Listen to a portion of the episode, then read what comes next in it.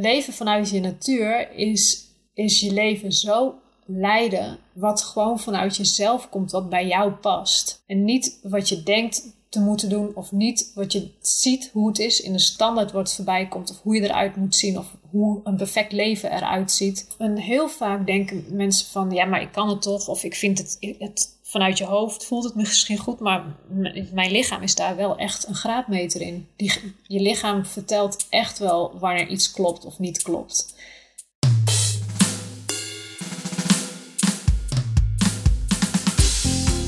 Hey, leuk dat je luistert. Dit is de Creatiedrift podcast. Mijn naam is Ruben Stelly en in deze podcastserie laat ik mij elke aflevering inspireren door creatieve makers, doeners en denkers. Van harte welkom. Dit is de 24e aflevering van de Creatiedrift podcast. Mijn naam is Ruben en mocht je me nog niet kennen, ik ben ontwerper en creatief maker. En daarnaast heb ik een hele brede interesse onder andere in creativiteit. En dat is de reden dat ik mij elke aflevering laat inspireren door mijn gasten. En uh, ja, op creatiedrift.nl vind je meer informatie over deze podcastserie en een overzicht van alle afleveringen tot nu toe met de bijbehorende teksten en links. Ja, en in deze aflevering heb ik weer een hele inspirerende gast, namelijk Yveske Metz. Yveske is creatief ondernemer en heeft een liefde voor fotografie, voor kunst en voor magazines. En ja, het verhaal van Yveske is een zeer bijzonder verhaal, maar ook bijzonder krachtig verhaal. Uit schaamte voor haar zeer ernstige huidaandoening uh, die ze heeft, hield ze zich jarenlang verborgen tot het moment dat ze besloot om een eigen tijdschrift te beginnen. En te gaan doen waar haar hart echt sneller van ging kloppen. En dat tijdschrift werd Liefke Magazine. En sinds kort is het magazine omgedoopt en heeft het een nieuwe naam gekregen en heet het tegenwoordig LFK Magazine. Yveske is naast oprichter ook de creative director en elk kwartaal brengt ze met haar team een zeer vrij eigenzinnig blad uit, gevormd door hun pijlers rust, eenvoud en natuur. We hebben het tijdens het gesprek uiteraard ook over haar huidaandoening, die enkele jaren terug ondraagbaar voor haar was. En hoe ze uiteindelijk toch de kracht vond om te gaan leven vanuit haar natuur en een eigen tijdschrift te beginnen. Het was bijzonder om Yveke's verhaal te horen en om van haar te leren in dit uurtje creatiedrift. Ik wil graag Karin Groot bedanken, luisteraar van deze podcast, die mij in contact bracht met Yveske. Ga ervoor zitten en luister in deze aflevering naar het bijzondere verhaal van Yveske Metz. Nou, Yveske, dan zitten we nu officieel in de podcast. Ja, leuk. Zeker leuk. Jij hebt zelf ook een podcast, uh, zag ik, of die zijn jullie net begonnen vanuit LFK? Ja, klopt. Echt, uh, we hebben gisteren de eerste aflevering um, gepubliceerd. Oh, dat was ook echt gisteren? Ja. ik kwam het ook gisteren tegen, maar ik wist niet dat het gisteren... Uh... Ja. Ja, jullie vertelden daarin, dat vond ik wel grappig, dat jullie een korte, korte podcast wouden beginnen. En ik was me dus aan het voorbereiden op dit gesprek. En toen dacht ik van, ah, maar wacht eens even. Mijn plan is wel om zeker drie kwartier met Yveske te praten. En, uh... Dat gaat zeker lukken. Ik, uh, ik praat heel, uh, heel makkelijk en ik praat ook graag. En ik heb het vaak ja. ook echt nodig om dingen te verwerken. Oké. Okay. Dus ehm, praten is ook een manier om, om dingen te verwerken of... Ja, ik herhaal soms dingen tien keer. Oké. Okay. En dan weet... Mijn man die weet dat inmiddels en die zegt... Toen maar, vertel het nog maar een keer. Uh, ik heb dat echt nodig. Om, uh, ah, oké. Vooral vervelende dingen, als dingen gebeuren die ik lastig vind, of als ik kritiek krijg of uh, negatieve feedback, um, mm-hmm. dan, dan verwerk ik het door het regelmatig te herhalen en erover te praten. Vroeger was dat echt, echt te veel. inmiddels, yeah. inmiddels is dat niet zo. Dan, dan kan ik soms door drie keer erover te praten, dan, is het in me, dan heb ik het wel verwerkt. Um, dus zit, zit, zit het in, dan is het opgelost of dan is het. Ja, ja dan heb je het verwerkt. Ja, ja, ja, ik, denk, ik denk het, het hardop uitspreken en, het, en, en mijn eigen gedachten kunnen horen of zo, dat dat meewerkt in het verwerkingsproces. Ah, dat je de eigen gedachten niet in je eigen hoofd blijft zitten, maar dat je het ook dat het daadwerkelijk uitspreekt. Ja. dat het, ja, dat het letterlijk eruit kan. Ja, ja. Nou, we gaan, uh, we gaan er een aflevering van maken. Ik ben heel benieuwd. Ik, ik ken jouw verhaal een beetje. Maar uh, ja, we gaan het eigenlijk vandaag hebben over jou, jou jouw creatieve leven. Dat is ja. deze podcast. Ja, heel ja, mooi. Zeker. Uh, vind ik ook. dus daarom zitten we hier ook. Um, ja. Ik begin altijd vooraf aan bij mijn gast. En ja, als het hebt over een cre creatief leven, dat begint eigenlijk al als kind. Dus mijn eerste vraag is dan altijd: ja, wat maakte jij als kind, Yveske? Um, ja, Um, ik zou bijna zeggen alles en niks. ik, ik maakte eh, over. Ik, was altijd creatief bezig. Ehm, maar wij hadden thuis niet heel veel middelen daarvoor. Ik doe het nu met mijn kinderen anders. Dat, dat, er, dat er meer uh, voorhanden is om te kunnen creëren.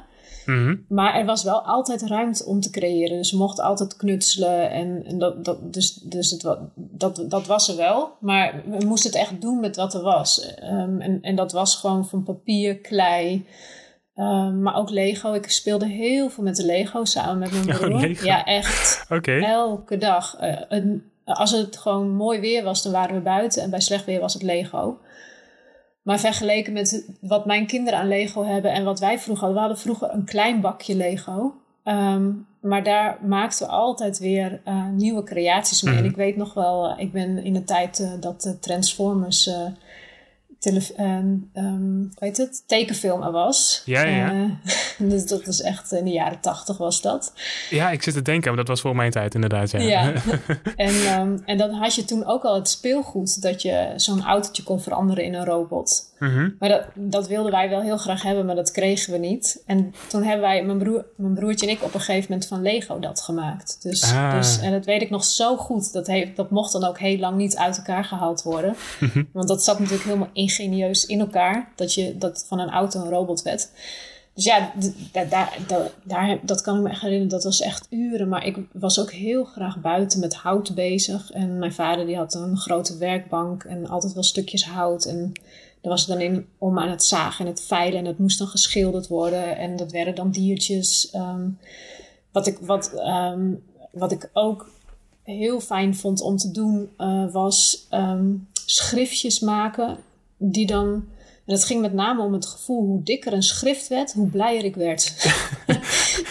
dus dat moest echt helemaal vol. Moest helemaal gevuld met worden stickers, met van alles en ja, nog wat. met stickers en touwtjes. En, en, en ook wat ik heel fijn vond als ik papier helemaal uh, propjes van maakte. En uiteindelijk zo ver in elkaar had gefromd en uit dat het zacht werd. Dus daar was ik ook mee bezig. En, en mijn kamer was heel belangrijk. Dus ik, ben, ik was, mijn eerste spaargeld ging op aan dingen voor mijn kamer. Ah. Dus met styling bezig. Daar was ik, Ah, ja, ja, ja. ja, en kleding ook daarin. Ik was echt anders dan mijn leeftijdsgenootjes uh, qua kleding. Mhm. Uh, dus, dus voor mij was het heel breed. En, en als ik dan uiteindelijk kijk naar wat ik maakte, ja, dat bedoel ik ook met niks. Um, het was niet zeg maar ik was gewoon een kind wat gewoon lekker altijd creatief bezig was. Maar niet dat je dacht van, uh, nou, er komen hele wonderen uit of zo. Nee, nee, nee. Maar je had ook niet één, één fascinatie waar je heel erg doorgegrepen was. Het was al die dingen bij elkaar. Alles, ja. Alles, maar ja, maar ja. Ook, ook het maken van een hut of, uh, of, of andere, gewoon op school ook. Nou ja, ha, uh, han, we hadden vroeger nog um, handenarbeid en handwerken. Mhm. Ik ben nog uit de periode dat de jongens dan gingen timmeren. En de meisjes moesten gaan handwerken. Nou, daar was ik niet voor weggelegd. Ik ben niet weggelegd voor haken, breien en naaien. Oh ja, ja. Functioneel wel. Uh-huh. Uh, als, als ik iets nodig had, zeg maar, om te naaien, dan, dan deed ik dat wel. Maar dan was het ter ondersteuning van een project waar ik mee bezig was. Uh, maar uh, ik weet nog wel dat ik op school dan presteerde dat ik zei dat ik hoofdpijn had en dat ik niet verder kon met, uh, met mijn weefwerkje of zoiets. Maar, maar, omdat je het gewoon echt niet leuk vond? Of omdat het niet... Nee, ik vond het verschrikkelijk. en toen kwam ik op een andere basisschool en daar hadden we gewoon handvaardigheid. Nou, en dan mocht ik timmeren en zagen en dan was ik helemaal gelukkig. Ja, ja, ja. Dus ik heb, ik heb ook altijd iets, um, bij mij zat er altijd wel iets jongensachtig in. Ik speelde ook niet met poppen. Ik, uh, nou ja, de Lego was daarin belangrijk. En buiten ook, ook dingen maken die dan... Hadden we een karretje en er moest dan een doos bovenop vastgemaakt worden. En nou, daar konden we een hele vakantie mee bezig zijn. En uiteindelijk dan ligt dat dan weer, want dan is het helemaal uitgewerkt en alles geprobeerd. Ja. ja dus nee, al, ik was echt altijd uh, creatief bezig. En, en wat wou je worden toen je, toen je vroeger klein was? Had je ook een soort van droom of was dat... Uh... nou, een droom niet. Uh, maar ik, ik, uh, ik weet doordat uh, ik op een gegeven moment. Um, me wij zijn verhuisd toen ik um, net zeven was, zijn we verhuisd. En later zijn we teruggekomen naar dezelfde plaats. Steenwijk is waar ik opgegroeid Oké, ja, ja. Kop van Overijssel. Ja, en toen kwam ik um, de moeder van destijds vriendje waar ik veel mee omging. En die sprak ik weer en daar kwam ik weer thuis. En toen was ik elf en toen zei ik tegen haar, ik wil graag banketbakker worden. En toen zei zij van, dat weet ik, want dat wilde je al toen je nog in de zandbak speelde. Oké, banket bakken. Ja, tot en met mijn vijftiende, um, nou bijna vijftiende wilde ik banketbakker worden. Ja. En, en dat, dat deed, ik hield ook echt van bakken. Um, en, en toen was ik klaar met de MAVO en toen gingen we kijken naar een um, vervolgopleiding. Toen wilde ik naar de modevakschool. En uh, um, ja, en daarin uh, zijn we toen naar een open dag geweest. En toen kwamen we thuis en toen zei mijn moeder, dit is niks voor jou. En dat was omdat daar allemaal meisje-meisjes rondliepen en ik was heel erg jongensachtig. Mm -hmm. Maar wat was je dus eigen... vanuit dat oogpunt kon ik dat wel begrijpen. Maar ik vond het fantastisch daar wat ik allemaal zag. Ah, ja, ja. ja, ja ik precies. Ik wou net vragen, wat was je eigen gevoel erbij dan? Maar... Nee, ik vond het echt, ik vond het zo, on, ik vond het zo geweldig. Um, maar, nou ja, ik, er is geen gesprek over geweest, want mijn moeder zei van dit past niet bij jou. En vervolgens, daarna ben ik naar een soort sportopleiding gegaan, wat ik ook echt, echt geweldig vond. Ik, dat, ja, ik vond het echt fantastisch, want dat, is nog een, dat past ook bij mij. Ik ben sportief aangelegd en dat is gewoon een heel belangrijk onderdeel van mijn leven. Uh-huh. Dus dat paste ook heel goed. Ja. En ik heb wel eens een periode gehad dat ik dacht van, waarom, waarom is er niet aan mij gevraagd wat ik ervan vond? Mm -hmm. um, maar nu achteraf ben ik heel blij dat het zo gegaan is. Want ik ben, um, nou ja, autodidact en niet beïnvloed, zeg maar. Dus Ah. alles wat ik doe komt vanuit mezelf. Ja, ja, ja, ja. Dus stel dat je een creatieve opleiding had gehad, of een, die modeopleiding, dan was je misschien al een beetje een kant opgeduwd. Nou, misschien dan- wel, ja. Dan, dan word je ook heel gevormd door de omgeving waar je in Ja. zit en door de docenten en, eh, en dat, soort, Ja. dat soort dingen. Ja. Ja, en ik weet inmiddels ook, en dat is het mooie, dus het is ergens denk ik heel goed geweest dat het niet gebeurd is. Omdat ik eh, nu, later toen ik wat ouder was, ik heb eh, nou ja, schilderles gehad. Ik, ik heb nog een, ik heb een E-module aan Academie Folk gedaan, een soort bevestiging. Maar ik kwam daar ook heel achter dat ik heel moeilijk vind om opdrachten uit te voeren. Mm. En daar liep ik ook al tegenaan dat mijn docent, schilderdocent ook zei... Um, ja, Yveske, je, je hebt vaak uh, op de kunstacademie twee soorten mensen die daar komen. En de een is een natuurtalent. En de ander, die kan iets heel goed aanleren. Mm-hmm. En de eerste, zegt hij, die moet je met rust laten. En de tweede, die kun je onderwijzen. En jij valt onder die eerste groep. Jij moet maar gewoon gaan doen. En, en, en je gevoel volgen. Maar, maar waar, waar Dus- was dit? Dit was op een academie, of? Nee, ik ben rond mijn 26e gaan schilderen. Omdat ik dat Mhm. nodig had. Uh, om, nou ja, emoties te kunnen verwerken. Als een vorm om je te uiten, zeg maar? Ja, ja. Ja. omdat, omdat ik zo vol zat met uh, dingen die eruit moesten, dat ik op een gegeven moment zei tegen mijn man: ik moet, ik moet schilderen. En toen heeft hij gezegd: Nou, dan moet je alles daarvoor gaan kopen. dus uh, Ah. ik wist niet waar het vandaan kwam. Gewoon, dat was wat ik, dat voelde ik zo sterk. En, mijn, uh, en ik ben het bekend, mijn oma uh, die schilderde altijd, dus daar ben ik mee opgegroeid. En, um, en zij zei op een gegeven moment van uh, misschien moet je je werk laten zien aan Mark de Klein. Mark de Klein is een kunstenaar waar zij les van kreeg en hij heeft ook altijd les gegeven aan de kunstacademie. Maar toen vertelde ze me, ja, hij, hij geeft geen les meer, maar hij heeft een uitzondering gemaakt. Dus je mag bij hem langskomen, omdat, nou ja, ik les van hem krijg. Mm. En toen was hij daar, um, nou, dat vond hij zo mooi dat hij zei, ja, ik ga een uitzondering maken. Ik ga nog één keer iemand lesgeven. En dat was ik. Maar dat was van korte duur. Oké, okay. maar, hij, maar hij was ook diegene die die uitspraak deed van je hebt twee soorten Ja. leerlingen. Ja. Ja, ja, ja, precies. Ja, en, want, hij, want wat er gebeurde namelijk is, ik kreeg, uh, volgens mij had ik één keer in de twee weken les. En dan ging ik naar hem toe en dan gingen we ter plekke iets maken en dan kreeg ik een opdracht mee. En uh, het was dan de bedoeling dat ik dan met die opdracht terug zou komen en dan zouden we dat gaan bespreken en weer verder gaan. Maar ik kwam elke keer met wat anders terug en nooit maakte ik de opdracht. de, en hij wilde ook op een gegeven moment, zei hij ook tegen mij van nou ja, dan ging mijn perspectieven klopten niet. Ik, ik, ik kan, ik, perspectief vind, vind ik heel Mhm. lastig. En uh, hij vond dat ik dat moest leren en ik vond van niet. En uh, dus toen gingen we op een middag ook op pad. Um, en met houtskool en was in Kampen. Super mooi is het daar. Dus uh, nou, we gingen, hij zegt, ga maar tekeningen maken. En dan gaan we met dat perspectief bezig. Dus, Ja. tekenen. dus hij ging ook bezig. En op een gegeven moment gingen we dat bespreken. En toen zei hij, nou, je kan inderdaad niet in perspectief tekenen, zei hij. Ik zei, nee, dat had ik al gezegd. maar ik vond het ook niet nodig. Om het te leren. Omdat ik zoiets had van, eh, ik wil gewoon maken wat er in mij zit. Moet, dat moet eruit. En het is niet mijn bedoeling om te laten zien dat ik een lichaam perfect in, in verhouding kan tekenen. Ja, precies. Daar gaat het me niet om. Nee, dat was jouw lol niet. Het was, je zag het puur als vorm om te uiten en niet, je wou niet een hele goede tekenaar of schilder worden in de zin van realistisch of... Uh, nee, helemaal niet. Het ging voor mij heel erg om dat, dat um, ik, ik zie en voel altijd kleuren. En die zijn voor mij heel erg gerelateerd. En als ik zeg zie, dan zie ik het van binnen in mij.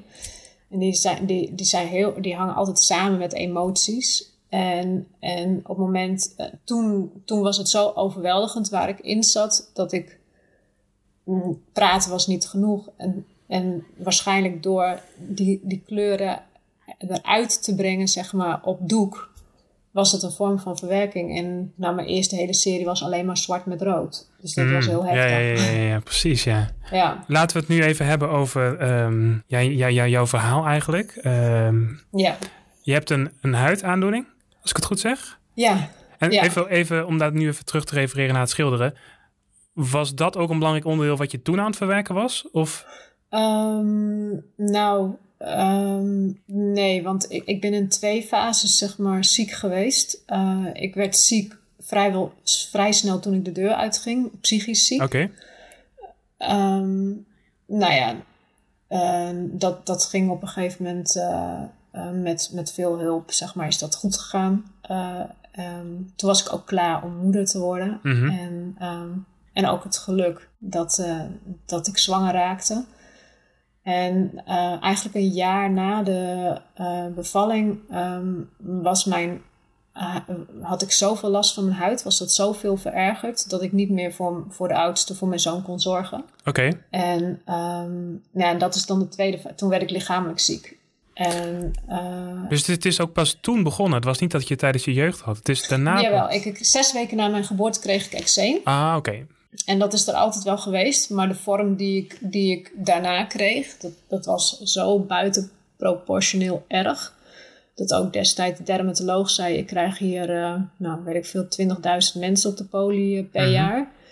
En dan uh, zijn er misschien drie daarvan die zo ernstig, zeg maar, hun huid belast is. waarvan jij dan een van de drie bent en de enige volwassene. Ach, jeetje. ja, en, uh, en het zit bij mij in mijn gezicht, uh, met name. En toen over mijn hele lichaam. Mm-hmm. Nu, nu vrijwel alleen nog in mijn, uh, in mijn gezicht en hals. En um, nou ja, dat is wel een periode geweest. Als we dan gaan kijken naar creativiteit dat was toen, maar ik denk dat de grootste creatiekracht die ik toen had, was overleven, zeg maar. Dus daar ging al mijn energie in zitten om, om te kunnen functioneren. En dat, dat was echt waar je toen in zat, dat was het leven. Overleven door de, door de pijn, door de jeuk, door de... Ja, ja.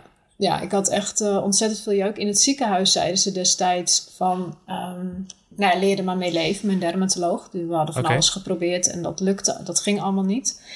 Uh, ik heb, ben wel een tijdje, toen, toen, na de, toen mijn zoontje een jaar was, hebben we zijn we hormoonsalven gaan proberen. En toen heb ik een half jaar rust gehad. En toen ben ik zwanger geraakt van, uh, van jaren, van onze tweede. Ja. Maar ja, toen ik drie maanden zwanger was van haar, toen kwam het zo hard terug dat ik uh, op bed kwam te liggen.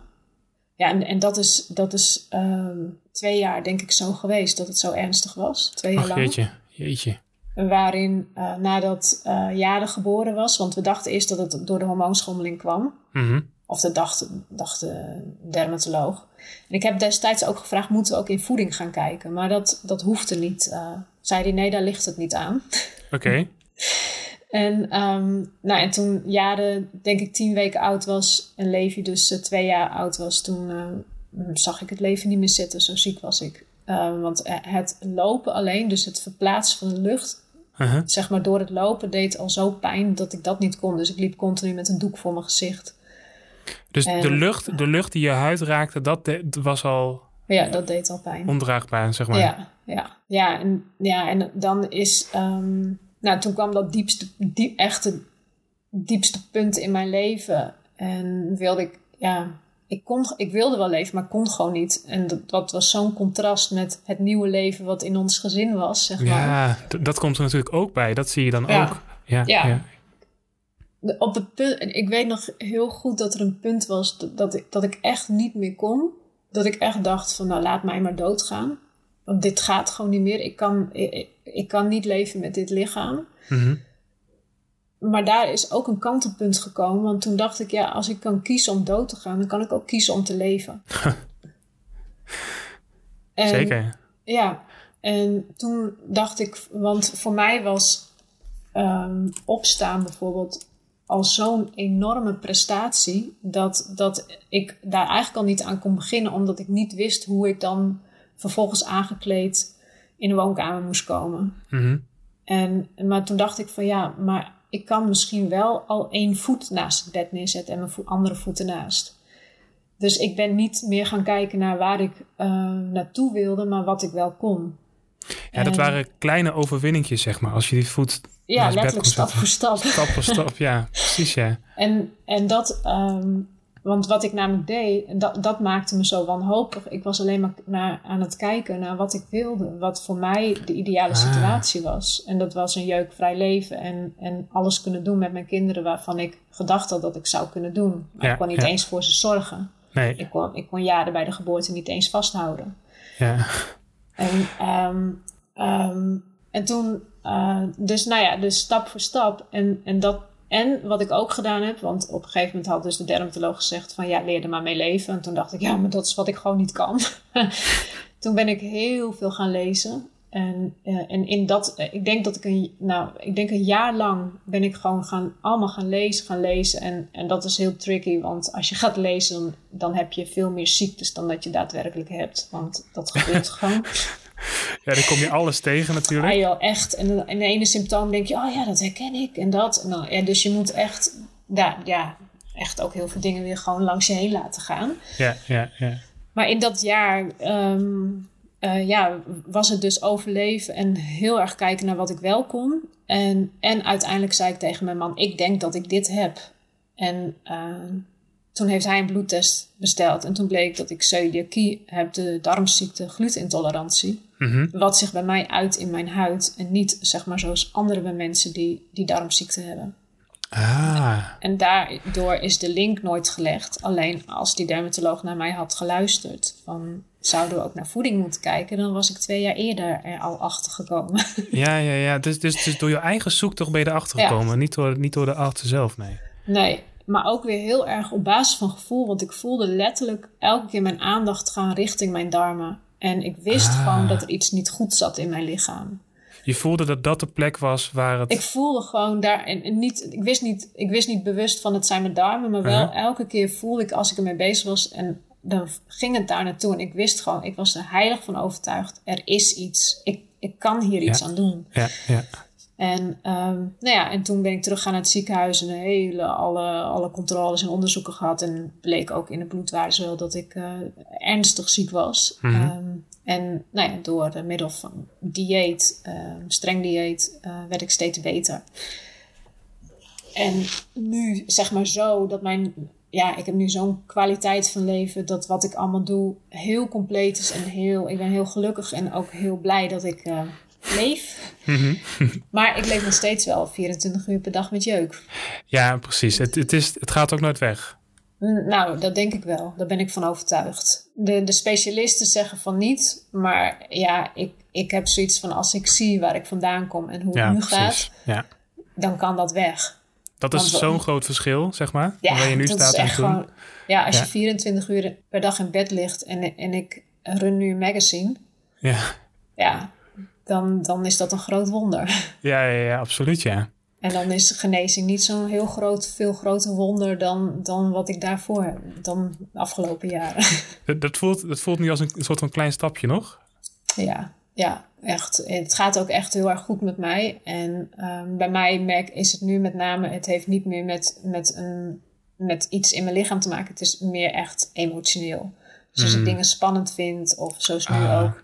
Ter voorbereiding op het gesprek met jou, nou, dan merk ik dat ook gelijk in mijn huid. Dus dat is, een ander krijgt misschien rugpijn of hoofdpijn. En bij mij is mijn huid mijn zwakke punt.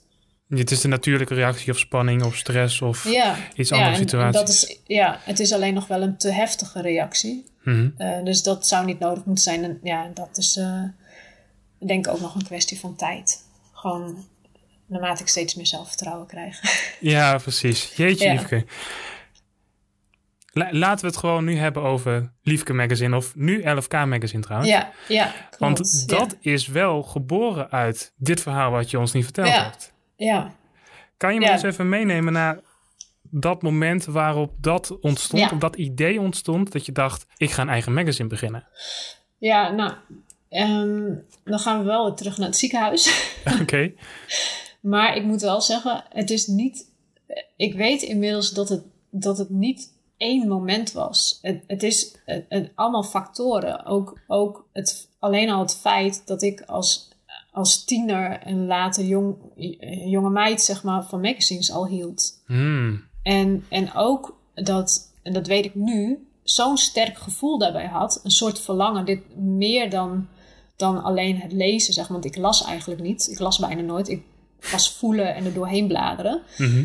En, en, en de, vorm en eh, het beeldmateriaal. Ik ben echt een beelddenker ook. Dus voor mij waren de beelden al genoeg. Dus daar, het is echt een, een, hele reeks, zeg maar, aan gevoel en gebeurtenissen. Maar de belangrijkste, het zaadje voor het concept LFK, is eh, wel eh, geplant op het moment dat ik in een, in een wachtkamer zat. eh, weer voor een controle bij de dermatoloog.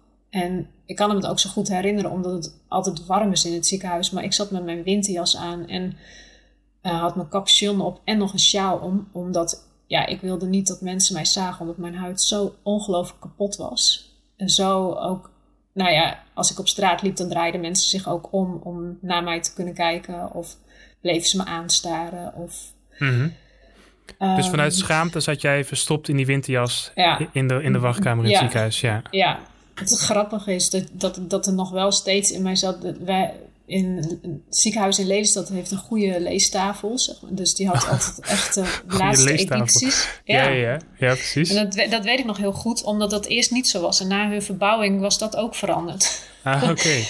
En eh, dan had je echt de, de laatste nummers van nou, ja, bekende titels in Nederland. Mhm. En, en ook, ook de, de modebladen en ehm, ja, lifestyle, interieur hadden ze niet liggen. En, zo pakte ik ook weer een magazine erbij. En dan was ik door, aan door, doorbladeren. Maar gewoon omdat ik dat... Ik las altijd wel magazines. En, maar wat er nu gebeurde is dat... ehm, terwijl ik aan het doorbladeren... ik me gewoon bewust was dat ik me steeds ongelukkig voelde... vanwege het contrast van hoe, hoe mijn leven was... en wat ik zag in die magazines. Ah. De, de perfecte plaatjes die je zag of Ja. de bepaalde, bepaalde Ja. norm die er is in, in magazines. Ja, nou Ja, ja, vooral de standaard. En, Ja, de standaard, en vooral, ja. vooral hoe vrouwen getoond werden. Ehm, wat ik, ik met mijn, mijn compleet kapotte huid daar... De, de gefotoshopte gezichten, zeg maar, die kwamen bijna alienachtig op mij over. dat ik echt dacht van, dit is zo'n groot verschil. Dat, dat vanaf toen heb ik eh, nooit meer... Nou ja, nu is het overdreven, maar heb ik heel lang nooit meer zo'n magazine aangeraakt. Ook niet Mhm. ingekeken. Omdat Ja. het zo'n grote impact had op mij. En, en me zo nog meer bewust maakte van, nou, laat ik echt zeggen, het gevoel dat ik mezelf enorm lelijk vond. Mhm. Ehm, toen is het zaadje wel geplant van, dat moet toch ook anders kunnen. Ja, dus dat was het zaadje. Dat je dacht, Ja. het moet ook anders kunnen. Ja, Je zag ook gewoon dat die hele grote brei ook een beetje hetzelfde was. Of Ja. allemaal dat beeld ja voorstelde. maar overal. Ik kwam het overal tegen natuurlijk. eh, op billboards eh, van Ja, reclame, ja, ja. maar ook op televisie. Een reclame voor zalf voor mensen met eczeem. Ja, ik had natuurlijk eczeem en dan kwam daar een, een perfecte vrouw met een hele gezonde huid. En Ja. die smeerde dan zalf voor eczeem op. Dan dacht ik echt van, waar gaat dit over? Ja, ja, ja, ja. ja. En, en dat werd voor mij echt, eh, ik stoorde me, dat werd, dat werd echt een, een, een iets waar, waar ik me continu aan stoorde en over opwond ook. Want op een gegeven moment kreeg ik ook weer iets, een foto van een, een reclame voor een tas, waar een vrouw echt mega ongelukkig houding die tas vasthield. Maar dat was dan een fashionbeeld. En ik zei tegen mannen ook van, "Hé, dat kan toch niet, dat slaat toch helemaal nergens op. En hij had echt zoiets van, "Nou, ja, ik zie, ik zie gewoon een beeld. Maar voor mij werd dat echt iets heel groots. ja. Het En- gaf je heel veel frustratie. ja, heel veel ergernis. Maar ook omdat Ergernis, ik een, ja. eh, een, een dochter heb, dat ik dacht van ja, maar als zij opgroeit met dat dit de standaard is, wat doet dat met haar? Mhm. Dat was steeds ook voor mij het punt dat ik eh, me over mijn schaamte heen moest stappen. Want dat vroeg ik me ook aan mezelf. Wat doet het met haar als zij opgroeit met een moeder die zich schaamt voor zichzelf? Ja, ja, ja, ja, precies.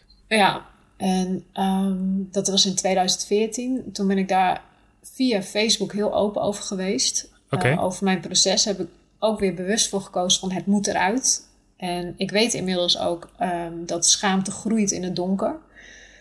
Dus, als je het voor jezelf houdt... wordt ja, het steeds precies. groter. Ja, Ja. En op het moment dat je erover praat, dan kan het niet groter worden. Mhm. En dat heeft mij ook erg geholpen. En heb ik er ook overheen kunnen stappen. En ben ik naar buiten gaan treden. En ja, ben ik eerst met een platform begonnen wat zich lekker afzette tegen alle standaard media. En de- het was, was toen was het nog niet het idee van laat ik zelf een eigen magazine beginnen. nee, nee. Ik, eh, ik werkte toen voor een platform als, ehm, uit, ja, als hoofdredacteur. En degene die daar de eigenaar van was, die, tegen haar zei ik op een gegeven moment: Ik denk dat een magazine heel goed bij dit platform zou passen. Ja.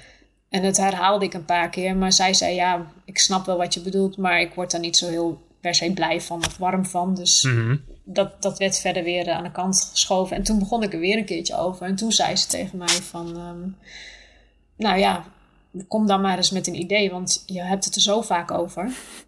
En, en op een ander moment... Dat was in diezelfde periode... had ik een keer een afspraak met twee vrouwen... waar we elkaar via Facebook leren kennen... en wilden ergens over doorpraten. En toen had ik het er ook over van... Nou, de kritiek... Die, mijn kritiek op magazines, wat ik zag...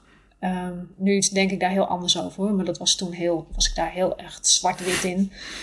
Ehm, toen eh, zei, zeiden ze ook van, ja, maar dan ga je toch zelf een magazine maken? En toen dacht ik van, ja, tuurlijk, ga even een magazine maken. Ja, dat, dat is ook nogal wat. Ja, en, ehm, maar ja, ik ben dus eh, eigenlijk in opdracht van toen mijn werkgever zo van... oké, ik ga een concept maken. En ik heb toen in drie dagen een concept geschreven en dat heb ik gepresenteerd. En zij zei van... ja, ik heb hier helemaal niks aan toe te voegen. Dit is zo ontzettend compleet. Mhm. Ehm, maar dit, is, dit komt zo vanuit jou. Ik zie dat niet voor dit platform. Ja, Eh, ja, toen zijn we het ja. eerst nog gaan proberen om te buigen om het met z'n tweeën eventueel te doen. Maar toen dacht ik, nee, ik moet het echt zelf gaan doen. Mhm. En ehm, En toen presenteerde je dus eigenlijk het plan van wat Liefke is geworden daarna. ja, ik, ik- ja, dat presenteerde ik. En ik weet nog, ik, ik, had een, ik had dat in een, in een schrift. Dat schrift heb ik nog steeds, zo'n roze ruitjesschrift. daar had ik echt allemaal items helemaal uitgewerkt. Als ik er nu naar kijk, maar daar lijkt 11K helemaal niet op. Eh, dat is inmiddels al zo veranderd. Maar dat was hoe ik destijds dat zag. En als je Ja. in het midden opensloeg, daar stond fragiel en oersterk. En, ehm, en dat is omdat iemand, eh, een hulpverlener, die, die zei een keer tegen mij van... Ja, Yveske, jij bent fragiel en tevens oersterk. Hij zegt, want als ik jou zie en in je lichaam ben je echt enorm fragiel... maar ondertussen ben je een straatvechter. En dat had hij toen gegeven. En toen dacht ik, nou, dat is eigenlijk wat ik met het magazine wil. Ik wil heel graag dat, dat, dat de verhalen eerlijk zijn, maar dat ze wel sterk zijn. En dat, dat het, het negatieve mag er zijn of het zware mag er zijn, maar het moet altijd een positief eindigen. zeg Ja, maar. ja, ja, ja, ja. En En dat zette je dus eigenlijk letterlijk in de kern van... ja, dat schrift, dat stond daar. En dat is eh, toen destijds is dat de ondertitel geworden van Liefke. Mhm. Ja, en daar heb ik toen mensen voor gevraagd van dit is wat, wat ik wil gaan doen. Wil je me daarbij helpen? En twee daarvan, die zitten nog steeds in ons team. Mhm. En dat is eh, Kitty, onze vormgever. En Yveske, mijn, ja, mijn nicht en naamgenote, zij doet altijd een correctieronde. Dus op het moment dat de hele editie klaar is, doet zij de tweede correctieronde. Ja, en die zijn al vijf jaar hierbij betrokken. Ja, jeetje. Ja, Dus dan heb je zo'n plan en dan denk je, oké, ik ga een magazine beginnen. Maar een magazine beginnen, dat is heel veel. Dat is... Ik probeer me dat eens eens voor te stellen. Maar ook, ook in een tijd dat mensen ook zeggen van... ja, maar print, eh, de magazines, alles gebeurt online. En dan ga jij alsnog een magazine beginnen. En dat moet gedistribueerd worden. Je hebt al die medewerkers nodig. Maar jij voelde toch zo'n sterke kracht van... nee, maar dit wil ik maken. Ik ga dit doen. ja ik moet eerlijk zeggen dat als ik ehm, toen wist wat ik nu weet, denk ik niet dat ik eraan zou durven beginnen. Nee, dit is maar goed, het is maar goed dat je dat van tevoren allemaal niet weet. Nee. je dan allemaal tegen gaat komen in, op je pad. Nee, nou, nou is het ook dat ik, ehm, en dat vind ik heel bijzonder. En ik denk dat het voortkomt uit ook wat ik vertelde over dat die, die eerste stap naast het bed zetten en die tweede stap. Zo Mhm. werk ik inmiddels, zo werk ik ook. Ik, ik, ook toen met de, dat we die podcast zijn gestart eh, onlangs. Ik, heb geen, ik had geen idee. Ik weet, weet niet hoe je een podcast moet maken. Helemaal, helemaal geen idee. Ik begin elke keer ergens. En als je begint, dan komt er altijd een tweede stap. Of er komt een vraag. Ah, ja, ja. En dan ga je verder. En ik weet nog dat ik in die tijd ook eh, rond 2013, 14 eh, een zinnetje las. En dat was eh, een tip. En dat was: doe elke dag één ding om dichter bij je droom te komen. En zo ben ik Ja. het magazine begonnen. Ja. Want ik dacht. Want ik was toen vijf jaar geleden nog best wel ziek. Eh, ook dat ik nu denk, hoe dan? Maar goed, eh, dat, ik was dus zo gedreven om mee te beginnen. Maar ik dacht, ik kan best elke dag één ding doen. Dat kan ik. En, en dat begon met een, met een mailtje sturen, wil je me helpen? Nou, en Ja. binnen, binnen een week had ik een team. Ja, precies. En dus dat, is dan, dat zijn die, al die kleine stapjes. Dus je hebt die, die stip op de horizon wel, maar je haalt die voldoening, haal je uit die kleine stapjes. Dus het Ehm, maakt niet zoveel meer uit dat je heel snel da- daar moet zijn, dat het allemaal gelukt is. maar, Nou, eh, Of dat is- wel? dat, dat, dat loopt altijd wel mee. Want, want ehm, als er één ding is wat ik geleerd heb in mijn leven, is geduldig zijn. Helemaal met mijn gezondheid. ja, en dat is in dit geval ook. Want nu met 11k ben ik ook nog niet daar waar ik wil zijn. En dat is af en toe best frustrerend.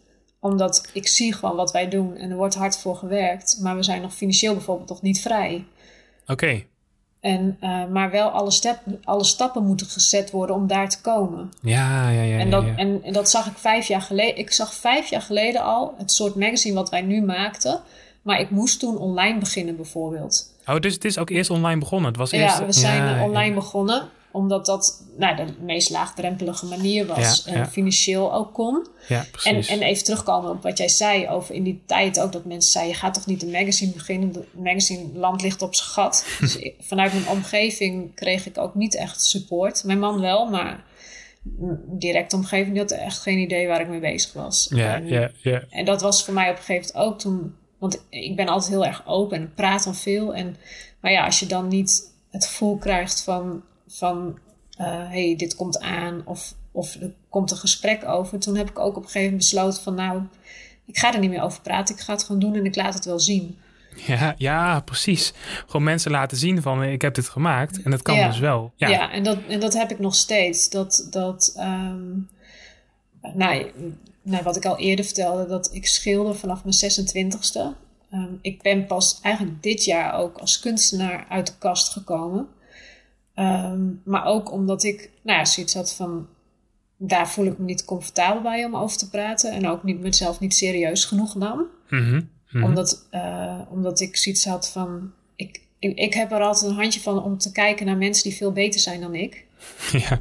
Dus dan, dan is je werk, zelf je eigen werk serieus nemen, is, dan wordt dan heel lastig. Er zijn natuurlijk altijd mensen die beter dan zijn dan jou. Ja, altijd. ja, ja. En daar ben ik op een gegeven moment dus ook mee opgehouden. Dus mijn, mijn persoonlijke Instagram-account. eh, ik, ben, ik volg bijna niks. Ik zei je net in ons voorgesprekje ook, ik leef onder een steen.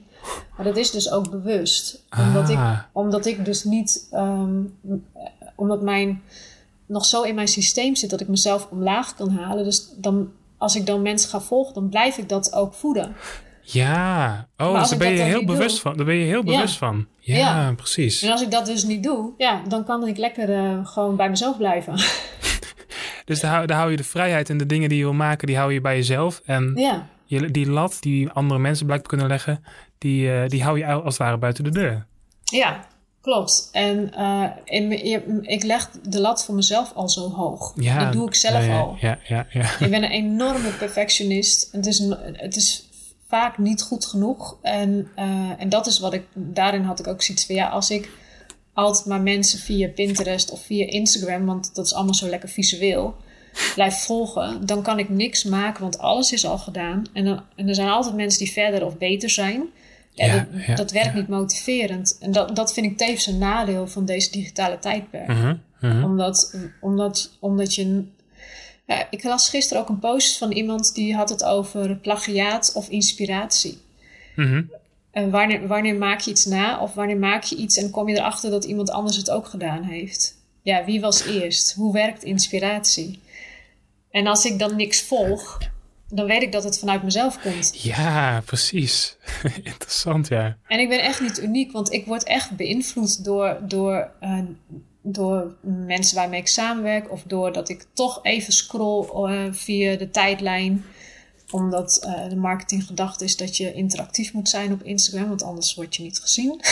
dat is ook weer zoiets.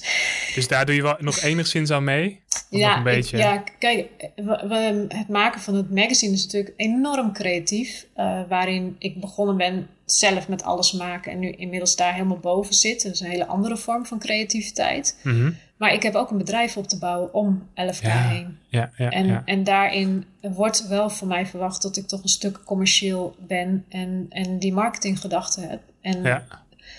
en daar hou ik ook van, want ik vind ondernemen ontzettend leuk. Mm -hmm. uh, past ook echt heel goed bij me. Dus die combinatie van een eigen magazine uitgeven, daarin ben ik ook echt helemaal in balans. Dat heb ik ook nodig. Maar ik moet wel echt, echt leren bepaalde dingen, zoals nou ja, mezelf meer laten zien, is, is nu onze strategie. Zodat, daarom ben ik bijvoorbeeld ook met jou in gesprek. Om, om, om meer uh, het verhaal achter 11K ook te laten horen. Want dat Ja, is ja. wat mensen fijn vinden. Dat, Mhm. dat vind ik zelf ook fijn. Als ik op zoek ga naar invulling voor het magazine, ga ik altijd naar de About pagina. Of over mij. Dat is de eerste precies. pagina waar ik naartoe ga. en ehm, Ja, dat is een beetje de, de, de kern van, eh, van, het, van het blad of van, het, ja, van wat dan ook, zeg maar. En dat, in dit geval ben jij dat. Dus jouw Ja. verhaal is tegelijkertijd ook het blad. Ja, nou, niet meer. Want inmiddels staat het zo ver al van mij los, zeg maar. Is het al zo losgemaakt dat, dat als ik nu met vakantie ga, dan gaat alles door. Dus dat is, dat is fantastisch. Ja, oké. en, en ik ben Ja, ja, ook eh, het, het concept. Het, het komt uit, uit mij, zeg maar. Ehm, maar eh, eh, eerst was het nog wel eh Yveske, Liefke of Liefke. Yveske, dat is werk van, maar nu is het 11K en het is echt los van mij gekomen. Het is echt een op zichzelf staand iets en dat vind ik ook heel erg belangrijk. Ook omdat eh, wat, ik in het, wat, wat ons concept voor het magazine is, ja, dat, dat is niet 100% hoe ik ben. Dat is maar een deel. Nee, ja, ja, ja, precies. Maar het lijkt, het lijkt me ook prettig om dat ook los te kunnen zien, Ja. zeg maar. Ja, Want als, als, de- als jij helemaal het magazine bent, dan... N- ja, maar dan kunnen mensen daar ook niet voor werken. Want voor wie, voor wie werken ze dan? Nee, dat, dat, dat inderdaad ook. Ja, ja, Ja. dan zou je alles moeten doen. Ja, dat, dat is wel grappig. Ik krijg wel eens de vraag van... eh, en doe je dan zelf alle fotografie en schrijf je alle teksten? en dan denk ik... Oh man, er werken elke editie zo'n 30 mensen aan mee. Ja, ja, precies. Om daar even over te hebben, want dat was een vraag die net nog bij mij in, in me opkwam. We hadden het over jezelf uit en je zei dat je er een weg in vond in, de, in schilderen. Ehm, maar je bent nu ook aan het fotograferen. Er zit Ja. fotografie van jou in het blad. En je schrijft ook op, op poëzie of eh, korte eh, teksten. Soms ook wel langere teksten. Dus je vindt wel je weg eh, in dit blad ook om al die vormen die jij gebruikt om jezelf te uiten, om dat er wel in kwijt te kunnen. Ja, nou als, je, als we weer teruggaan naar wat ik als kind deed, dan, dan zit alles erin. Ik schreef al heel jong in dagboekjes. Ik, ik had eh, echt vrij jong had ik een, een, nou ja, echt een camera. Maar dat was echt gewoon zo'n plastic dingetje, maar dat doet er niet toe. Ook nu niet. Het gaat erom dat je daar creatief mee bezig kunt zijn. Het stylen zit erin. Echt al, alles zit... Al, mijn talenten die, die ik gewoon gekregen heb, die kan ik daarin kwijt. Ja, ja, ja. Uh, maar ook het organisatietalent en ook het runnen van een bedrijf. Ik, ik, ik heb voor mezelf echt de mooiste baan gecreëerd die ik maar kan bedenken. Ja, dat, dat kwam dus ook bij mij maar op net. Je hebt eigenlijk je eigen droombaan gecreë- gecreëerd. Ja. Ja. en dat wist ik niet. En, en wat, ik, wat ik mooi vind, is dat... Nou, ik ben dus hier niet voor opgeleid. Um, Uh-huh. Eh, ik kom... Ja, al, die, al die facetten ben je niet voor opgeleid. Nee, dat Nee. zit gewoon in mij. Ik, heb- ik, kom, ik heb totaal... Ik heb, ik heb genoeg opleidingen gedaan. Ik heb ook gestudeerd, maar echt allemaal andere dingen. Wat, wat ik wel interessant vind, is ook ehm, nou ja, waar ik vandaan kom bijvoorbeeld. Ik, ik kan niks onthouden. Ik kan, ik kan geen namen onthouden, ik kan geen ontwerpers onthouden, ik kan geen kunstenaars onthouden. Ik kan echt niks onthouden. Ja, de Rembrandt, weet je wel. Rembrandt, dat gaat er nog wel. Of Van Gogh. Ja, dat, dat, dat komt zo vaak voorbij dat als ik dat niet kan onthouden, dan is er wel wat mis met mijn hersenen, denk ik. Ja, ja, ja. Dat zit Maar- in je systeem, zeg maar. Ja. Of dat zijn bekende dingen. Net zoals ja, dat ja. ik ook weet wat melk, dat melk melk is, zeg maar. Maar, Ja. maar ik kan echt, gewoon echt niks onthouden. En vroeger heeft het ervoor gezorgd dat ik heel lang gedacht heb dat ik dom was. omdat ik niet kan Mm. reproduceren. En, Ja. en nu vind ik het een enorme zegen, omdat mijn hoofd altijd leeg is. Dus dat is gewoon Aha. heel erg fijn. Maar ook omdat als er iets komt, dan komt het vanuit mij. Ja, ja omdat, je- omdat je toch niet... Nee, Ja, dat, dat klinkt misschien vervelend, maar omdat je toch al, al die, die andere dingen niet hebt onthouden blijkbaar. nee. Ja. Want, want wat, wat ik dus dan terugkrijg, dan heb ik iets gemaakt. En dan zegt eentje van, was het, dat jouw inspiratiebron? En ik zeg, ik weet niet wie dat is. Ja. En dan wordt er een kunstenaar of een fotograaf genoemd. Maar dat Ja, weet ik dus niet. Maar dat vind ik dan tevens weer interessant. Ook over dat altijd alles al gedaan wordt. En ergens op aarde nog iemand loopt die hetzelfde soort werk maakt. Dat, Ja, ja. dat hoe uniek ben je als mens? we zijn allemaal uniek. Maar toch is er iets ergens ehm, nou ja, waar we ook overeenkomsten in hebben. Ja, ja, ja. En, ehm, en, en ik vind dat nu, ik heb dat heel lang moeilijk gevonden, ook in gesprekken. Ik kan in gesprek ook daar niet, zeg maar, over door meepraten of zo. Ik kan heel goed luisteren daarna. Ik kan heel goed vanuit mijn gevoel, hoe ik dingen zie. Eh, en, en dat heeft er voor mij, nou heb ik heel lang gedacht dus dat ik dom was. Eh, omdat ik dat dus niet heb. ja, ja, en ja. ehm, triviant moet je ook niet met mij gaan doen, bijvoorbeeld. Dat, of, dat is eh, geen succes. Of nu, eh, je hebt nu ook dat spel 30 Seconds bijvoorbeeld. En dan hebben wij de junior variant. Nou, daar staan zo zoveel dingen bij dat ik geen idee heb wat het is. Ehm, maar, maar wat ik zelf zo fijn vind, dat ik dat inmiddels... Nou, dat ik dat nu ook zo durf te zeggen tegen jou. Om- Ja, ja, omdat ja, het voor mij... eh, ik meet me niet meer aan wat ik denk dat dan de standaard is. Want het werkt gewoon anders in mijn hersenen blijkbaar. Je, je bent erachter gekomen hoe het bij jezelf werkt. Ja. En dan durf je er ook voor te staan van ja, maar zo is zoals het bij mij gaat. Dit is zoals ik, zoals ik ben. Ja, en ik vind het ook zo belangrijk om daar open over te zijn. Ehm, dat, dat was ook eh, waar we voor dat we met, met deze podcast begonnen over hadden. Is dat ik het zo bevrijdend vind ook om bij anderen te horen dat ze soms maar wat aanklooien, bijvoorbeeld. Ja, ja, ja, ja, ja. ja.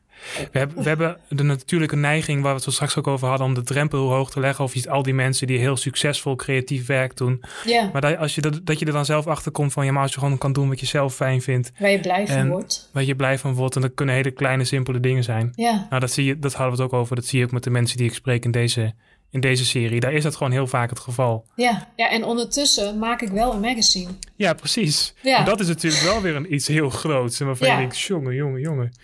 Maar ehm, ja, die kleine stapjes die jij er naartoe heeft gemaakt... die heeft dat dus voor gezorgd dat jij blijkbaar in staat bent om dit magazine te maken. Ja, en, en ook dat we groeien en ook dat er steeds meer omheen kan komen. Dus zoals een podcast ook. Eh, dat, dat dat er omheen komt. Eh, onze nieuwsbrieven die we nu trouw elke maand publiceren.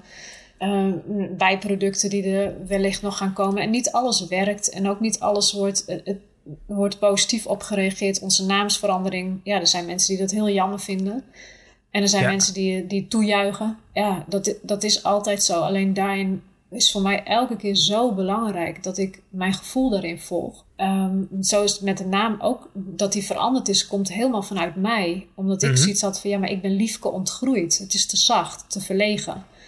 En dat, Ja. dat, dat paste bij toen ik ermee begon in eh, 2015. Als je, als je ook, nou ja, weet waar ik dan vandaan kom. En dat ik me zo schaamde. En ja, ik durfde niet eens de deur uit te gaan om de container bij de weg te zetten. Omdat ik bang was dat iemand mij zag. Ja, ja. Ja, daar komt Liefke vandaan. Maar als ik nu naar buiten treed, ja, dat, dat, dat, dat voelt, dat schuurt met hoe ik nu in het leven sta. En dat moest steviger. Ja, en dat gaat dan makkelijk door een paar letters te laten vallen. Maar dat is puur uit gevoel.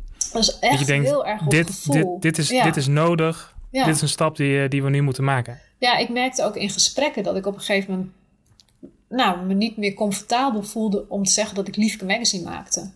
En toen dacht Ah, ik van, ja, ja, ja. pff, dat is niet goed als jij, als jij degene bent, de drijvende kracht erachter en, en je vindt, voelt je daar al niet meer comfortabel bij, Ja, dan moet je ja, daar iets ja. aan doen. En, eh, en dat is ook, ja, ook als je naar onze, de, de, de omslagen ziet van onze edities, nou, daar zit best wel een verandering steeds in. En dan zeggen mensen, ja, maar je moet niet te vaak veranderen hoor. Ja, dat is ook zo'n regel. Je moet niet te vaak veranderen. Ja, wie maar- bepaalt dat? Maar dus er zijn dus, dat is, een, het is makers eigen. Op het moment dat je iets gaat maken, dan hebben mensen daar een mening over. En die proberen je toch omlaag te trekken. Of eh, probeer dit eens of probeer dat eens.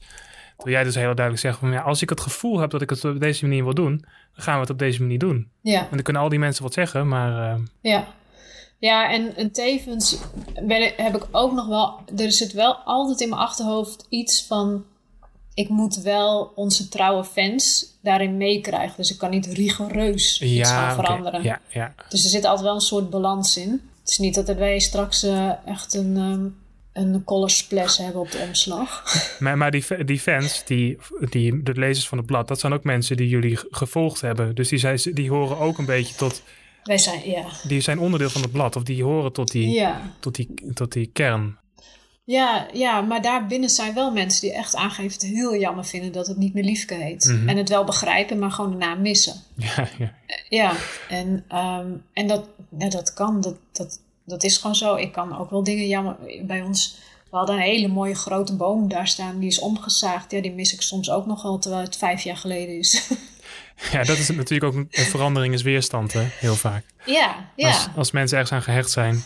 Nou, wat ik zelf geleerd heb in mijn werk, in, nu voor LFK, in mijn functie daarin, mijn rol, zeg maar, is het enige wat ik steeds moet doen, is loslaten. Echt elke keer loslaten om te kunnen groeien. Want als ik me wat, moet je, vast, wat moet je dan loslaten?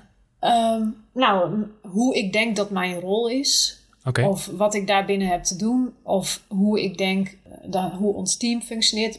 Bij een start-up ben je gewoon continu aan het loslaten en nieuwe dingen aan het doen. Om verder te komen. Uh, zoals nou, waar we nu over aan het doorpraten zijn, is moeten we ons magazine ook als een e-magazine aan gaan bieden. Nou, echt, dat ik die gedachte had, dat voelde bijna als vloeken binnen de kerk. Want we zijn toch zo bewust offline gegaan. Ja, ja, ja. Kan dat wel? Maar dat, dat is echt het ondernemen van telkens wat je bedacht hebt durven loslaten om vooruit te kunnen gaan. Ja, tel, telkens dan durven twijfelen aan dingen die je eerder vond. Ja. Ja, ja, ja. En dat is, dat is ook, uh, nou, ik schilder nog steeds. En dat moet ik ook regelmatig. Ik heb, um, even kijken, tot voor kort schilder ik elke keer over mijn laatste werk heen. Um, dus dan, dus je bleef de hele tijd aan hetzelfde werk werken, maar dan ging je de hele tijd eroverheen. Nou, dan was het klaar en dan hing dat een tijdje in huis. En dan ja. wilde ik weer schilderen en dan pakte ik dat en dan schilderde ik eroverheen. Ja.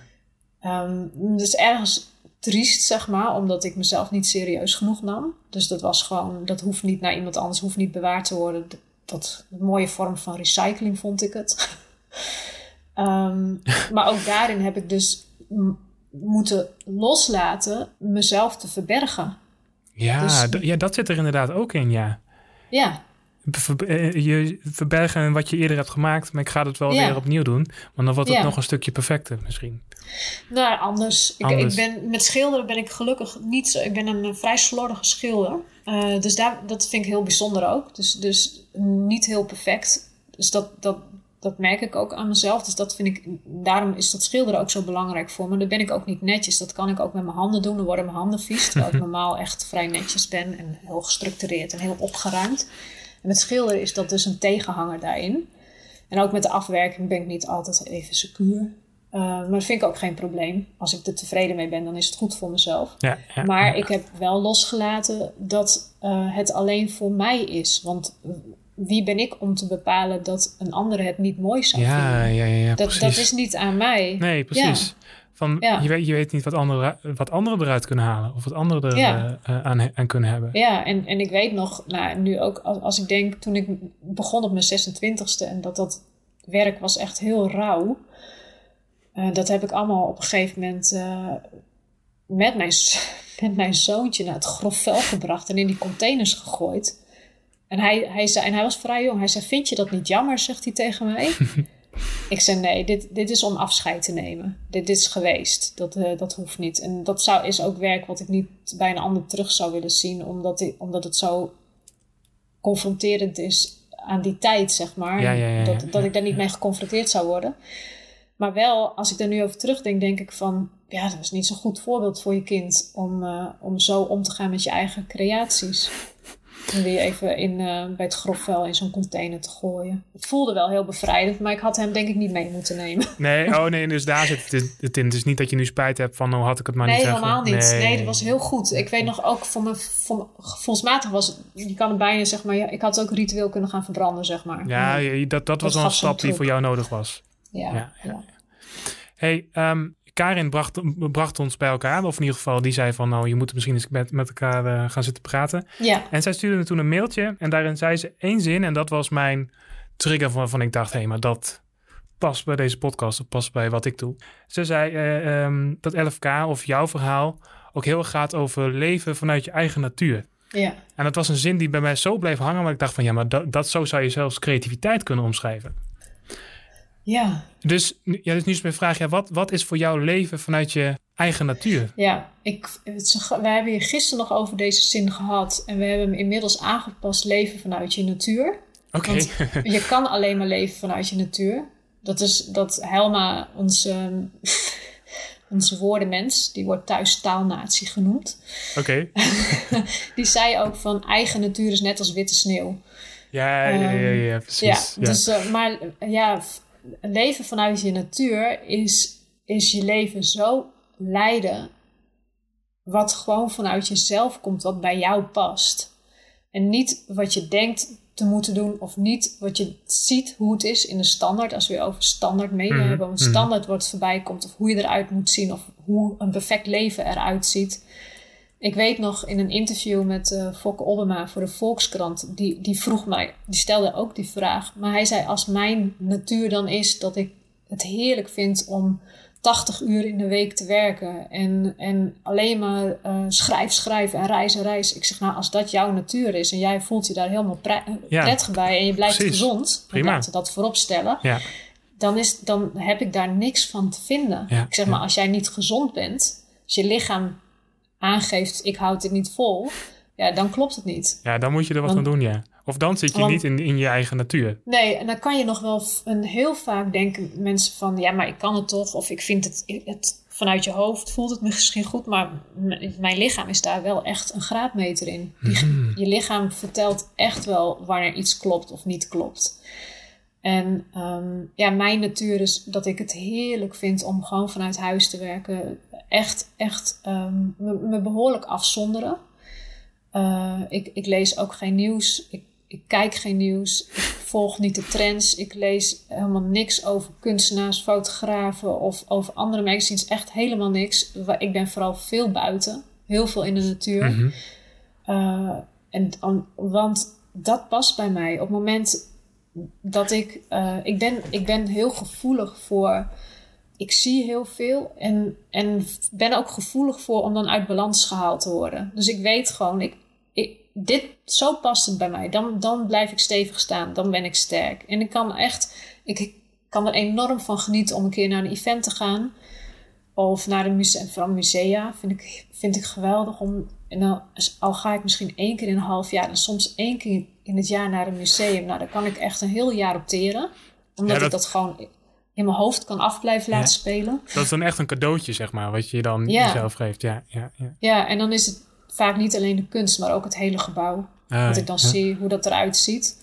Of zoals gisteren, um, ja, gisteren was ik aan het wandelen en toen was ik bij de dijk en daar lagen van die, van die hooi, ja, balen zijn het zijn van die grote rollen. Maar die waren uit elkaar gevallen en lagen tegen elkaar aan. En dat lag. En bij ons heb je natuurlijk altijd lucht streep groen, zeg maar. Want dat is, dat is de polder. Ja, ja, ja. ja. Je woont in Lelystad, hè? Dus even voor de ja, ja, ja, ja. ja. En, um, en, en ik hou daar zo ontzettend van. Dat is ook weer die leegte. Ik wil niks, zeg maar. Dat is die leegte dus weer. En, maar die, dat, dat, dat, die, dat hooi was, he, was helemaal... Het is, was helemaal uit elkaar gevallen. En het lag helemaal mooi gedrapeerd zo. Nou, ik ben er smiddags weer naar terug gaan om daar te fotograferen. Ja, ja, ja. En dan ben ik intens gelukkig. Ja, ja, precies. En dan laat ik het aan mijn man zien. en die denkt, dat is hooi.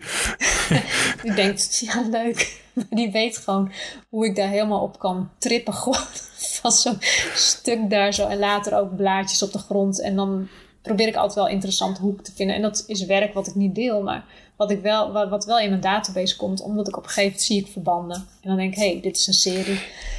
Ehm, maar da daar, en dat vind ik gewoon, ja, als er dan niemand is en niemand mij tegenhoudt, dan, dan ben ik gewoon gelukkig. En tevens vind ik het, vind ik de, de andere kant, dat is het magazine, ja, dat is echt een, een 3D-matrix, zeg maar, waar, waar, wat ontzettend uitgebreid en, en heel diep gaat en heel breed is en heel veel is. Ja, dat vind ik ook heel erg fijn, maar Ja, wel vanuit ja. huis. Ja, ja, ja, precies. Al die dingen die bij jou passen. en Jullie, jullie pijlen staan aan rust, eenvoud en natuur. Dat zit er ook allemaal in. Als ik jouw verhaal Ja. hoor. Ja, die, die rust, eenvoud en nu, natuur, dat komt eh, voort uit de tijd, zeg maar, dat ik ziek was. En dat, dat ik dat nodig had om eh, Mm, te kunnen leven. En vooral ook die eenvoud. Ik heb, ik heb zo mogen leren dat, dat als je kan zien wat je hebt, dat het al zo, dat het zo'n rijkdom is. En, en in, de, in deze tijd, want je hoeft, hoeft maar Instagram te openen of Facebook, ehm, ja, wat je dan allemaal ziet voorbij komen aan nog mooiere vakanties of nog mooier dit of nog mooi. Ja, dat, dat gaat niet over. Dat, dat zijn momentopnames, maar het, als je alles onder elkaar kijkt, lijkt dat alles zo is. ja, ja, ja, ja, het, het lijkt alsof de wereld zo is. Dat, ja, maar dat is helemaal niet Nee, zo. Want nee. die persoon laat, is ook maar één keer per jaar misschien op vakantie. Maar, Ja. als je, maar die post dan en die persoon eronder ook. En die eronder ook. En als je helemaal als je gaat ontdekken. Nou ja. Ehm, maar uiteindelijk draait het echt om die kern waar jij staat. En met de mensen met wie jij leeft. En als dat goed is. Dan, kan je, dan, dan is, is vanuit daar, zeg maar, kan je, kan je de wereld ook mooier maken. Want als, als hier iedereen in balans is, dan zal, zullen zij aardig zijn tegen weer anderen, tegen buren. ja, Weet je wel? ja, ja, ja. En, en ja, dat is gewoon echt, al, meer is er niet dan dat. En vanuit daar, alles wat, wat, wat ik dan doe, is allemaal extra. Ja, precies. Ja, ja. Dat is ook hetgeen wat je de wereld mee wil geven, als ik, als ik je zo hoor. Misschien wel gewoon die drie pijlers. Ehm, nou, ik ben inmiddels zover dat ik niet echt wat mee wil geven en ook niet wil adviseren. Wij, wij met ons magazine reiken we aan. Ja, ja, ja. ja. En is het aan de lezer zelf wat hij eruit haalt, wat bij hem of haar past? Het, het komt vanuit jullie van dit willen wij creëren. En wat de lezer er dan mee doet, dat is aan de lezer. Ja, wij, wij komen dus ook bewust niet met, eh, met rijtjes van eh, de vijf tips om gelukkig te worden. Ja, of de ja, tien ja, ja. tips voor een rustig leven. Of eh, hoe je het beste creatief kunt zijn, omdat die er gewoon niet zijn. Nee, omdat nee, we allemaal, nee. omdat waar jij behoefte aan hebt, heb ik waarschijnlijk geen behoefte aan. Precies. En dan zijn we nog maar met twee mensen. Maar laat staan dat je dat met duizend mensen doet. Daar past niet een lijstje van vijf dingen bij. Nee, nee, nee. En wat we kunnen doen zijn verhalen vertellen. Net zoals wat jij doet met je podcast. En daar halen mensen dingen uit. Ja, ja, ja, precies. Maar dan haal, dan haal je gewoon net de kleine dingen uit. Maar het is niet zo van doe het zo en zo en zo en dan komt het goed. Want, want kijk, eh, ik, ik zeg vertel over mijn lege hoofd. Maar er zijn ook mensen die een enorme database hebben in hun hoofd. En dat gebruiken als inspiratie. Dat is net zo goed. Ja, ja dat, dat is hun natuur, als het ware. Ja. ja, ja, Ja. ja, precies. Ja, Yveske, we zijn alweer over een uur heen. Dat is snel gegaan. Voelde als een kwartier. Nee, maakt niet uit. We zijn... eh, we hebben veel dingen bewa- bewandeld. En het is ook wel... Nee, ik heb ook al heel veel geleerd, moet ik zeggen. nou, Van, van jouw verhaal. En eh, ik was heel benieuwd van, van dat, dat leven vanuit je natuur. Dat is iets, dat is een zin die mij intrigeerde. En ik dacht van, daar wil ik het in ieder geval met je over hebben. Maar voordat we daarover hadden, zit, zit dat ook al gewoon puur in je. Dat, je, dat jouw leven een zoektocht is naar, naar hoe kan je daar vanuit leven. Ja, ik denk dat dat, dat dat wel het belangrijkste is. Want ik weet, ik weet gewoon, creativiteit bijvoorbeeld is, zit van nature in mij. Ik kan niet zonder Ja. creativiteit. Zelfs toen ik heel ziek was, moest ik nog maken. En dat was dan een kerstbal of zo. Dat zou ik nu niet doen, maar dat, moet, dat was toen wat het meeste wat ik kon. Dus die drang, die drang zit, er, zit er sowieso in. Ja, ik weet al wat het was. Ik heb toen, ehm, toen een, een touwtje had ik. En aan het uiteinde van het touwtje had ik van, van papier, stevig papier, sterretjes gemaakt. Vier sterretjes. En daar zat een touwtje tussen geplakt, geplakt. En er zaten glittertjes op, op die sterretjes. Dat had ik gemaakt toen ik heel ziek was. Ik heb het ook nog steeds. Uh-huh. Ja, maar dat zijn, eigenlijk is het een kinderknutsel. Maar dat kon ik maken. En, en het, het moet, de- dat moest gewoon. Ik moet altijd dingen maken. Ik kan, eh, eh, ik moet creëren. Als ik niet creëer, dan ben ik dood, denk ik. Ja, ja, ja, ja, ja. En, en, eh, dus, want dat, en dat zit zo in mij. Het is alleen elke keer hoe zorg ik ervoor dat ik het op zo'n manier doe dat het is zoals ik ben en niet zoals het lijkt, zoals het hoort. Ook met het opbouwen van je bedrijf of hoe je als kunstenaar moet zijn of hoe je een magazine moet publiceren. Er is zoveel waar je over kan lezen van hoe het zou horen. Maar, maar dat is, voor mij is het vaak een weg geweest van twijfel en van onzekerheid en juist verdriet als ik daarna ging kijken. Want, want dat was zo, is zo contra op hoe het vanuit mij komt. Ja, ja, ja. En die balans vinden ehm, is elke keer.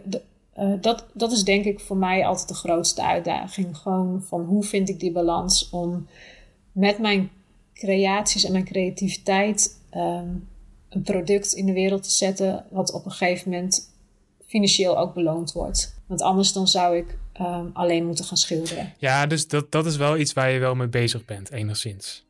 Ja, ja want daar, daar zit voor mij een heel grote voldoening in als ik straks onze teamleden kan belonen voor ja, ja, het werk wat ze verrichten. Ja, precies. Ja. Maar ja, dus, dus ja, die leven vanuit je natuur, dat is, uh, dat is voor mij een, um, nou, de basis van mijn leven. En daar helpen de pijlers rust, eenvoud en natuur bij. Precies, dat is jouw, uh, dat is jouw natuur. Dat is jouw leven vanuit je natuur. Ja. Hey Yveske, ik wil je hartelijk bedanken voor dit gesprek. Heel graag gedaan. Leuk dat je je verhaal wou doen hier in de Creatiedrift podcast. En uh, super bedankt. Jij ook bedankt. Ja, dat was weer deze aflevering van de Creatiedrift podcast. Wil je nou geen aflevering missen? Abonneer je dan even in jouw favoriete podcast app. En mocht je nog vragen, tips of opmerkingen hebben, laat het mij weten door een mailtje te sturen naar ruben.creatiedrift.nl. Je kunt de Creatiedrift ook volgen op Instagram en op creatiedrift.nl vind je een overzicht van alle afleveringen tot nu toe. Ik ben Ruben Stanley, leuk dat je hebt meegeluisterd en voor nu wens ik je een hele, hele fijne dag.